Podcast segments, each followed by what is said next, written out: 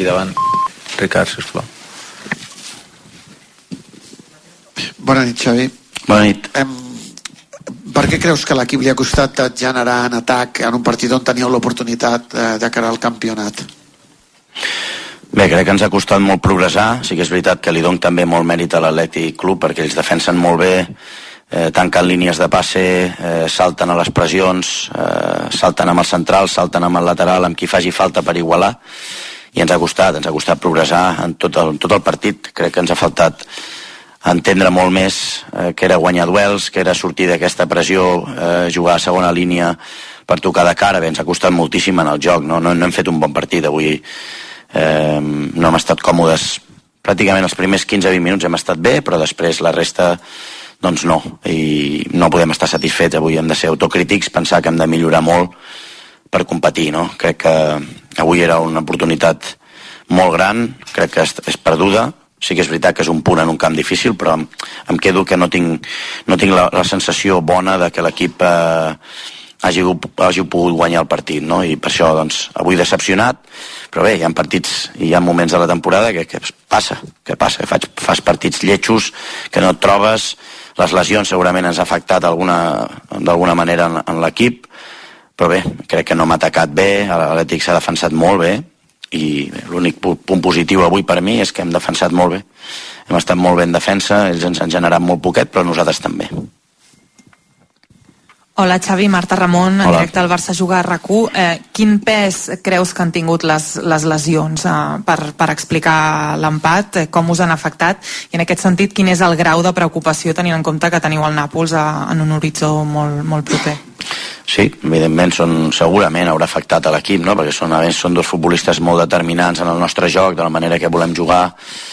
Eh, Pedri tornava a estar molt bé, ha entrenat molt bé aquesta setmana i es trobava físicament molt bé, és una llàstima, no? I a també, Frenkie estava eh, doncs, molt, eh, molt determinant en el joc, molt participatiu i són dos baixes molt importants, és una llàstima, una llàstima perquè són, imagino que les trobarem a faltar, avui també les hem trobat a faltar en quan han marxat del camp, no? Però bé, l'equip ho ha intentat, eh, de totes maneres hem generat molt poquet, eh, potser més amb la mina, amb l'entrada de la mina hem generat més per la banda dreta, però bé, una llàstima, ens ha faltat aquest punt de, de garra de, de dir vinga anem a pel partit, crec, no? Per això és una mica avui la sensació de decepció. Adrià. Xavi, bona nit. Adrián en directo para el carrusel de la serie Moguts de Ser Cataluña. Decías ahora que al equipo igual le ha faltado este punto de, de garra y de ira por el partido. ¿Hasta qué punto tienes la sensación de que igual ha faltado un poco de ambición, sobre todo en el tramo final del partido, que igual el equipo ha preferido que no pasara nada, ¿no? No sé si Bueno, ha pasado esto o un tema físico. No, no, sí que pasa porque el, el- el- el vestuario está afectado cuando no gana y además sa- sabiendo que era una oportunidad eh, muy buena hoy, ¿no? ¿no? La palabra quizá no es ambición, que la he dicho antes, sino de alguna manera creer más en lo que estábamos haciendo, ¿no? Que había salido muy bien en los, últimos partidos, ¿no? Pero bueno, también el Atlético ha defendido muy bien, no nos ha dejado progresar. Y sí, hemos empezado los primeros 15-20 minutos la sensación de que, de que se podía ganar ese partido, ¿no? Y luego hemos bajado, el nivel ha bajado mucho hasta el punto de que hemos generado muy poco en, en ataque. La palabra no sería, no sería ambición, sino sería quizá creer más, ¿no? Tener más, más fe en lo que estamos haciendo, ¿no? Porque era una oportunidad muy grande hoy. Buenas noches, mister Alfredo Martínez, en directo para Radio Estadio de Noche de Onda Cero. Eh, me imagino que estás tratando de que Rafinha coja ritmo, pero la Yamal ha sido suplente en los dos, los- los dos últimos partidos. No sé si tenía alguna molestia o algo. ¿No es un lujo para, para este Barcelona en ataque prescindir de dos partidos como estos de la Yamal? Sí, y también de, de Joao Félix y de Íñigo y de, bueno, es el Barça. Es el Barça, ¿no? Y la Yamal creo que llevaba no sé cuántos partidos jugando, acumulando minutos con 16 años. O sea, entonces nosotros hacemos una planificación de, para evitar precisamente estas lesiones que por desgracia nos están, nos están llegando. Hoy una fortuita, que es, bueno, es inevitable, la de, y luego la de Pedri, ¿no? que, está, que está en esta situación. ¿no? Intentamos hacer esa prevención y de alguna manera repartir minutos para, para evitar este tipo de, de situaciones. ¿no? Con la MIN lo estamos cuidando porque es, que es un adolescente. O sea, no, no hay que olvidar eso. Hola Xavi, Elena Condis, a Hola. tiempo de juego de la cadena COPE. Acabas de decir que es una oportunidad perdida, que os ha faltado creer más, tener más fe, pero el equipo venía con buenas sensaciones después de golear al Getafe.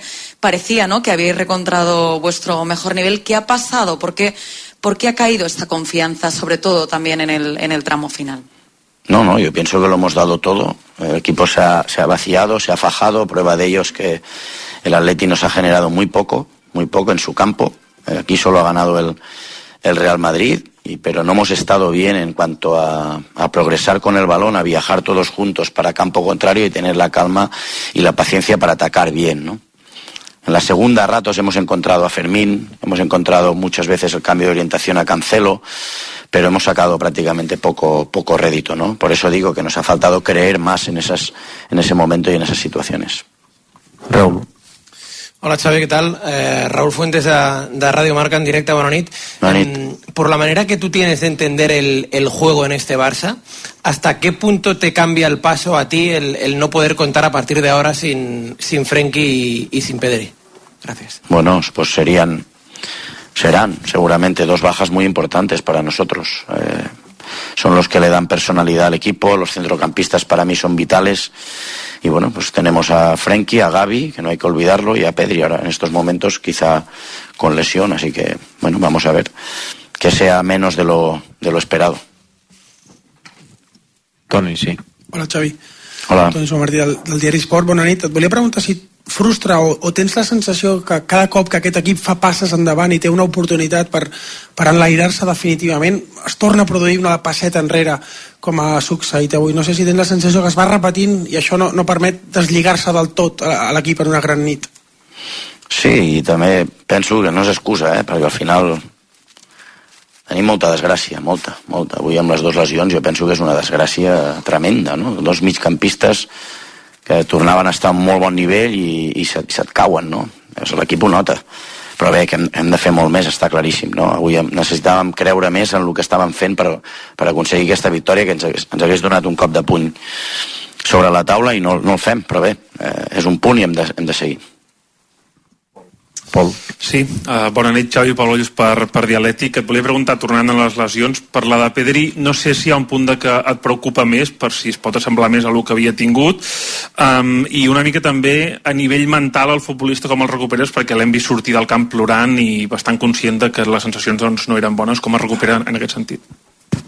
Bé, doncs donant-li estima, eh, recuperant bé, bé animant-lo, fent-li fent, fent costat, eh, ha fet tot per recuperar-se bé, per estar bé, eh, hem cuidat tots els detalls i torna a passar. Bé, doncs hem de tornar-ho a fer i tornar potser a posar més, més de la nostra part també perquè, per, per ajudar-lo que, no es torni, que no es torni a lesionar, però bé, són, són situacions del futbol i, i tornarà més fort segur, tornarà, tornarà bé.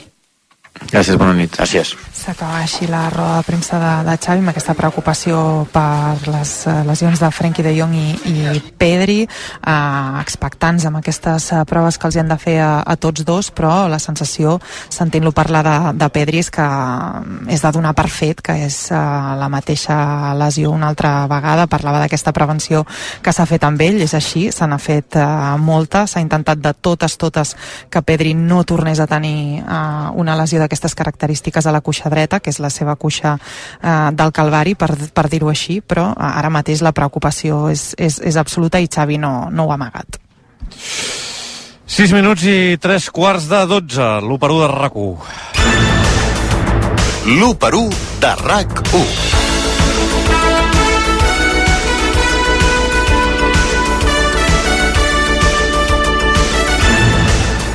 Ter Stegen. Espectador, molt poca feina per l'alemany que es veu ben protegit amb Condé, Covarsí, Araujo i Christensen junts a l'equip titular. Segona porteria zero consecutiva.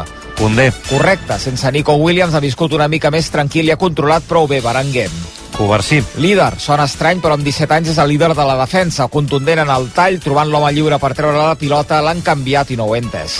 Araujo. Limitat, defensivament correcte, ofensivament ha desesperat Gundogan en la sortida de pilota. Cancelo. Adolescent, hi ha vegades que costa d'entendre què vol fer, el seu cap va a un altre ritme, amb alguna desconnexió, és cert que avui ha signat un partit poc complet i ha estat a punt de marcar un golaç. Christensen. Instal·lat a la posició de mig centre, continua sense ser la seva. Porta seguretat al darrere, però no et garanteix una netedat en la sortida de pilota necessària en aquell lloc. Sense De Jong, canvi de parella obligat i el ball no s'atura. De Jong. Trencat i fa pinta que per unes quantes setmanes en el millor dels casos. Gundogan. Clarivident, el millor del Barça s'ha vist perjudicat pels canvis obligats per lesió, ha hagut d'endarrerir la seva posició i ha perdut transcendència en la zona més determinant del camp, desesperat amb les poques opcions de sortida de pilota, especialment a la segona part. Pedri. Enfonsat, enèsima lesió del Canari, el problema cada cop és més gros. Ja no era el Pedri de les grans ocasions abans de lesionar-se.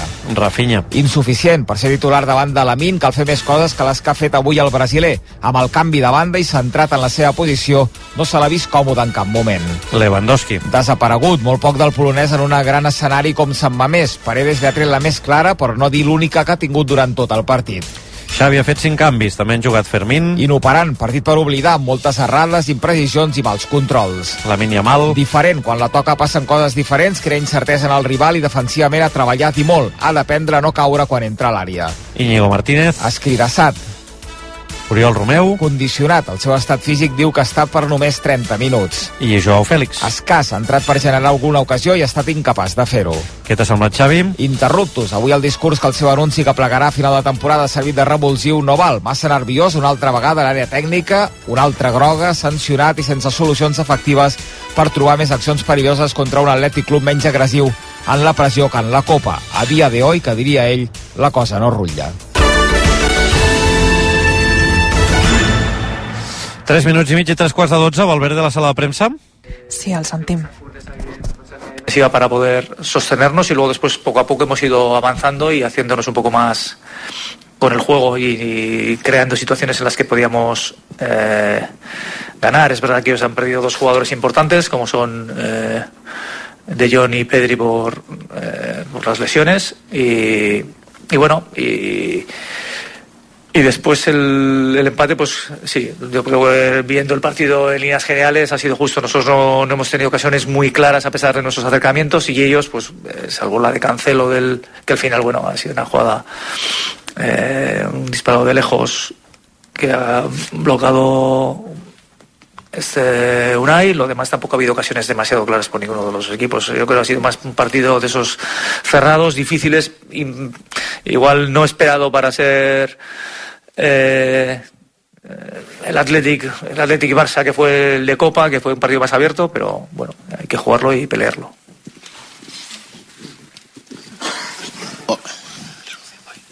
Sí. Hola, Resto. Ramón Hernández, Radio Nacional de España. Muchas veces hablamos aquí, después de los partidos, aquí en Sabamés, de las bondades del, del equipo eh, en ataque, de lo que crea. Es un atleta muy goleador en, en- en su casa, pero, pero ves los datos y creo que es la undécima puerta cero en toda la temporada, segundo equipo menos goleado de, la, categoría. Eso te da, da sensación de equipo equilibrado, ¿no? O sea, que es verdad que es un equipo que va arriba, pero es que esos datos defensivos, imagino que a ti te dan, te aportan mucha tranquilidad también, ¿no? Bueno, eh, vamos a ver, nosotros somos un equipo muy solidario, más que nada, porque es que tenemos que ser así.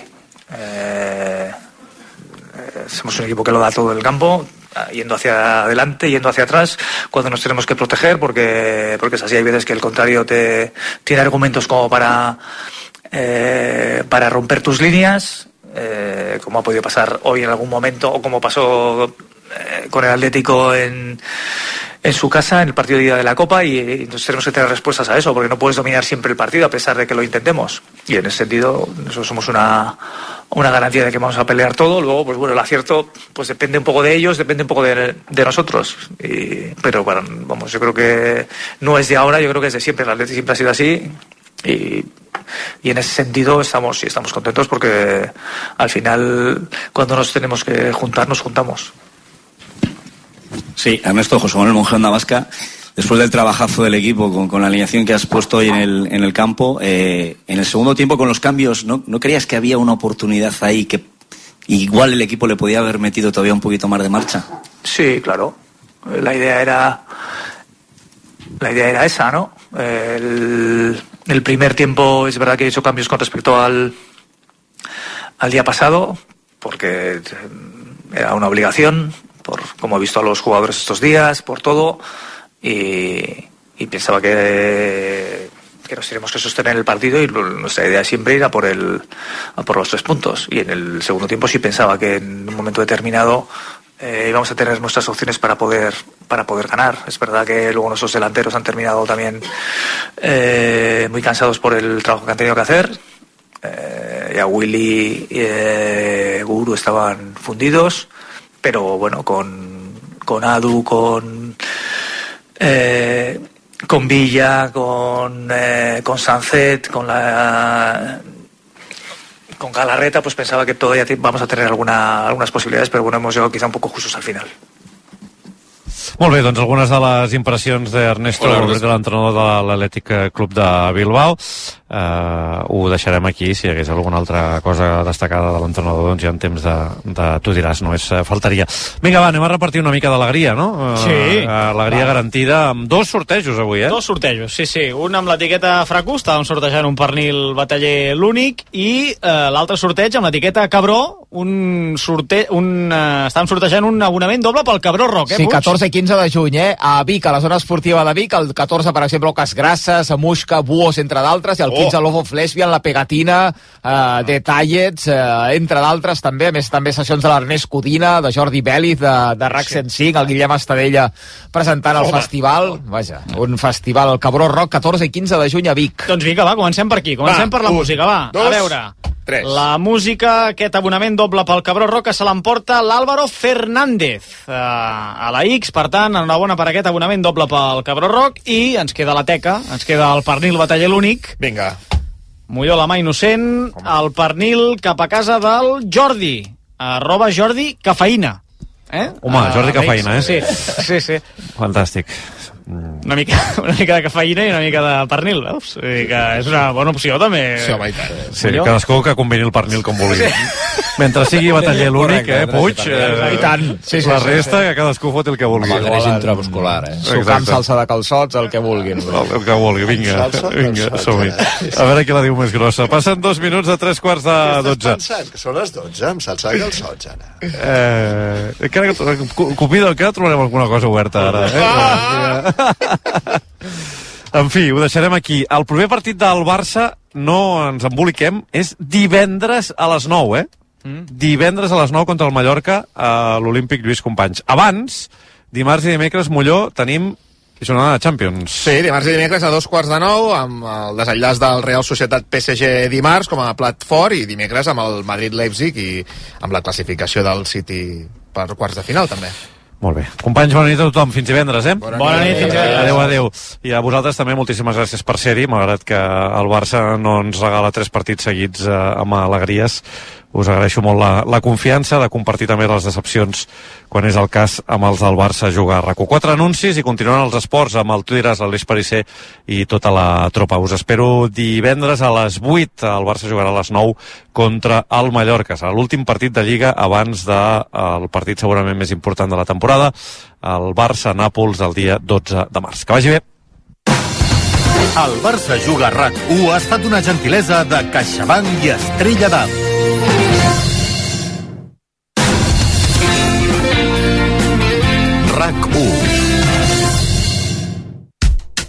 Perquè m'agrada sentir les energies de cada idioma i perquè no em vull perdre cap detall del guió, jo trio Finesa Bosé. Gaudeix de l'experiència del cinema en versió original subtitulada amb la millor tecnologia, pantalla gran, so envoltant i butaques supercòmodes a Finesa. Consulta cinemes i horaris a finesa.es. Descobreix la nova gamma de matalassos multisac micro de son pura a Grupo Todo Plano. Escull el teu matalàs Som Pura i prova'l durant 100 nits. Visita'ns a les nostres 17 botigues a Barcelona, Badalona, Sant Adrià, Santa Coloma, Terrassa, Sabadell i a grupotodoplano.com. Grupo Todo Plano. Les millors marques en descans al millor preu garantit.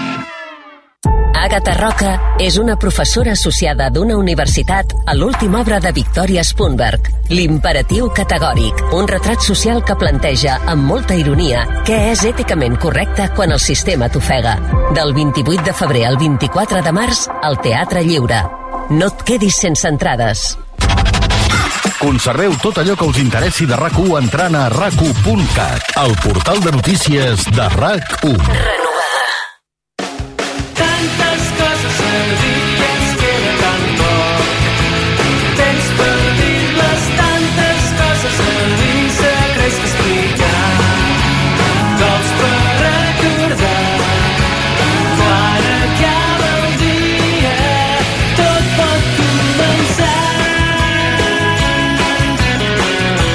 diràs, amb Aleix Pariser.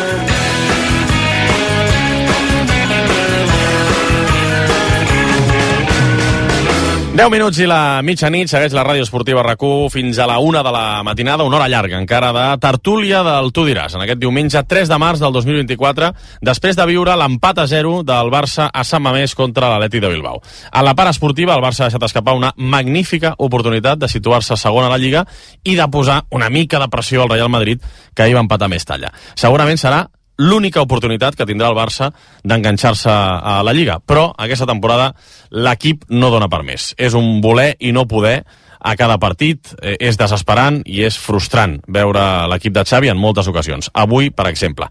Era una jornada en què havia fallat el Madrid i ni el Barça ni el Girona, que ha perdut a Mallorca aquesta tarda, han estat capaços de guanyar i d'acostar-se als blancs. Mallorca i Atlètic Club, que per cert venien de jugar entre setmana partits de Copa i no s'ha notat en cap dels casos. És cert que han fet alguns canvis a l'11, però no s'ha notat el desgast ni emocional de passar una final de Copa ni físic. Realment és una gran ocasió perduda pels dos equips catalans, eh? pel Barça però també pel, pel Girona. La Lliga, doncs, esportivament, numèricament, queda pràcticament com estava, eh? en aquesta jornada 27. Madrid líder amb 7 punts més que el Girona i 8 punts més que el Barça. El Barça està a només un punt del Girona. I si mirem cap al cinquè classificat, doncs el Barça manté els 8 punts de marge respecte a l'Atlètic de Bilbao i el Girona en té ara 9 de marge sobre els bilbaïns quan queden només 33 punts en joc, 11 jornades pel final. Aquesta és la part esportiva. El més preocupant, però, d'avui és el peatge que ha pagat el Barça en forma de lesions. De Jong i Pedri s'han fet mal i sembla molt complicat que puguin estar recuperats pel duel de Champions contra el Nàpols, que és d'aquí a 9 dies només, 9 dies. Pedri s'ha trencat, ho deia Xavi també ara a la roda de premsa, tot sembla que la cuixa dreta, que és la de l'última lesió, de la qual en va tenir una recaiguda aquesta mateixa temporada. Per tant, seria la tercera lesió en aquesta zona eh, del quadriceps dret de Pedri. I compta perquè podrien tornar a aparèixer els fantasmes del quiròfan. Ja es va plantejar això fa uns mesos, quan hi va haver-hi la recaiguda. Doncs bé, el nano que ha marxat plorant perquè ha vist que s'ha fotut una estripada grossa, se li podria haver acabat la temporada si es confirma que ha de passar pel quiròfan o no. Fa mala pinta, sap molt greu veure el jugador canari així, però de moment serem prudents, no som metges, no li han fet encara una exploració eh, definitiva i per tant serem prudents, tot i que fa molt mala pinta la lesió de Pedri. I la de Jong és un esquins al turmell dret, ho hem vist tots, ha recolzat malament el peu, segurament perquè el jugador de l'Atleti de Bilbao, sense voler, el desequilibra una mica, i aquí fa que, que posi malament el turmell dret, se li reblinca, eh, fa esgarrifar quan, quan veus com, com se li torça el, el turmell, i mm, això també el podria deixar cau pel dia del Nàpols. No tenim comunicat oficial, però, com ha dit Xavi, fa mala pinta. Jo crec que una, un esquins de turmell d'aquesta consideració com a mínim un parell de setmanes en té, de Jong, i això vol dir que ja no el tornaríem a veure fins a l'abril, que és quan es reprèn la competició, perquè recordo, al Barça li queda abans de l'aturada FIFA, al Mallorca aquest divendres, 5 dies, molt difícil que juguin cap dels dos, al Nàpols d'aquí a 9 dies, molt difícil que arribin els dos, o cap dels dos, i el Barça de visitar l'Atlètic de Madrid, d'aquí a 14 dies exactes, d'aquí a dues setmanes clavades, el Barça va al Metropolitano. Per tant, veurem què diuen els comunicats oficials i les proves que han de fer en les pròximes hores a Pedri o a De Jong, però ara mateix m'atreviria a dir que és molt difícil que els veiem eh, abans de, de l'aturada FIFA, que, insisteixo, és d'aquí 14 dies. Sabíem que seria un partit molt exigent visitar Sant Mamés, però el que ha estat és una nit molt desafortunada pel Barça, per les lesions, i també un pas enrere evident pel que fa al joc i al resultat.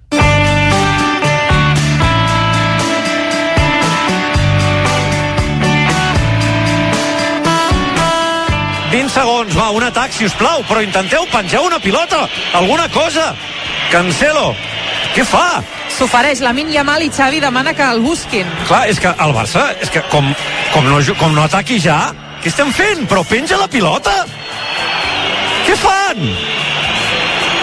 Íñigo i xiula l'àrbitre, és que és clar, però què és aquest final de partit? Xavi empipadíssim reclamant als seus jugadors per què no han penjat la pilota i per què no han buscat abans la Min Yamal. Però algú m'ho pot explicar? Aquest ulti, aquesta última és possessió? És inexplicable, Xavi com és, que, indignat. com és que no pengen la pilota? Si queda menys d'un minut, de què serveix ara la possessió llarga? És que em, em sembla molt significatiu. Em sembla molt significatiu aquest final de partit. Així s'acaba la transmissió del Barça Jugar RAC1. Incomprensible el Barça no jugant aquesta última acció quan quedaven molts pocs segons. Ara ho comentem a la tertúlia, com sempre amb els habituals del diumenge, l'Àngel Pitxalonso. Hola, Pitxi. Què tal? Què tal? Bona nit. Jordi Roura. Hola, míster. Hola, què tal? Bona nit. Què tal? Bona nit. I el Dani Solsona. Hola. Hola, bona nit. Solsona. Què tal? També per aquí el Saperes. Hola, Roger. Hola, Pariser, bona nit. També titulaves ara racu.cat, eh, a la crònica a la pàgina web. Eh, Oportunitat perduda. Sí, ho ha, llegit, ho ha llegit Xavi, després ho ha dit a la sala de premsa. Ha llegit la crònica Li has donat la pista, no? Puncari s'ha inspirat de cara a explicar el partit. No, és una mica la sensació que queda, no?, després de- d'aquest partit, i la meva i la de, la de tots el que, els que hem vist el partit a la redacció, i crec que els que som aquí a la taula. Sí, sensació de, de, de, de, de déjà vu, no? D'un altre cop, de dir, oh, ara que traiem el cap, ara que sembla que això rutlla una mica, ara que et pots il·lusionar, i vinga, torna a baixar el cap, que això no serveix de res. I aquesta acció final que ara escoltàvem, no? que és, és el resum de dir, però per què no ho intentes fins a l'últim moment, no? Desesperant, Pichi, desesperant. Home, t'asseguro que m'agradaria dir que, el, que m'ha encantat l'actitud i la intensitat de l'equip, eh, amb una oportunitat que tenia de, de posar-se a la Lliga i, i de fer creure incrèduls com jo que no creuen en aquest equip que, que, pot, que pots confiar, però per desgràcia no. No. No ho entenc, és un partit que has de sortir, sota el meu punt de vista, des del minut 1 a demostrar-li que vas a guanyar, que necessites guanyar, quan ells juguen amb, amb el Bilbao B, no? perquè han fet set, set canvis, eh? O sigui, set no titulars jugant avui. I que, que ha creat mitja ocasió de gol Cancelo amb aquella pilota.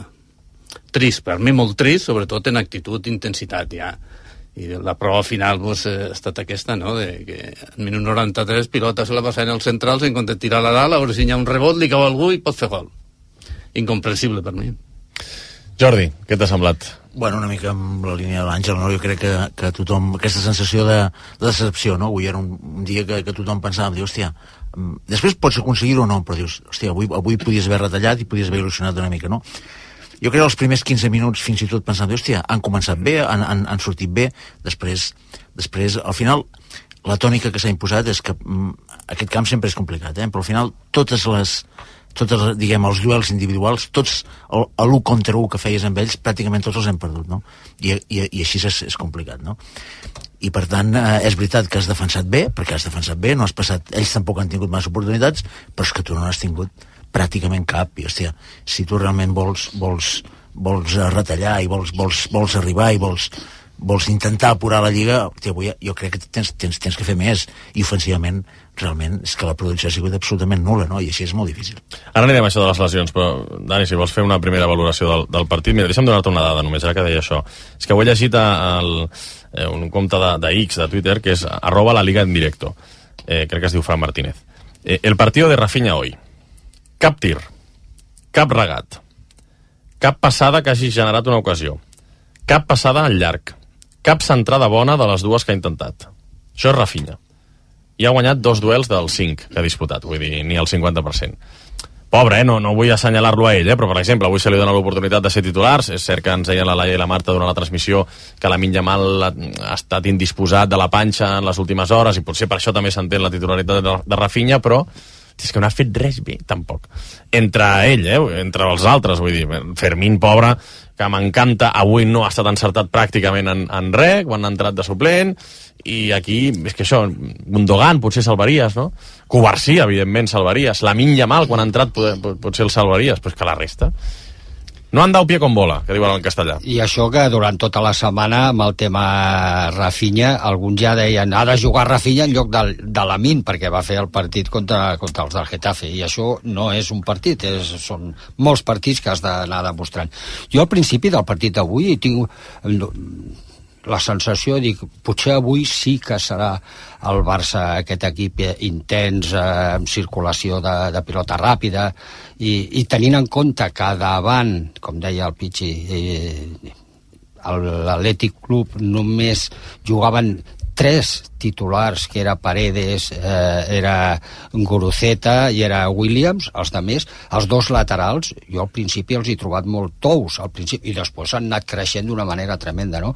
I 10-15 minuts i després ja l'equip ja ha tornat a ser l'equip aquest irregular, amb circulació lenta, que no arribes a, tres quarts de camp amb, amb claretat, que no hi ha un contra un, que Lewandowski l'única vegada que ha estat a punt de rematar ha sigut aquella que, que Paredes ha arribat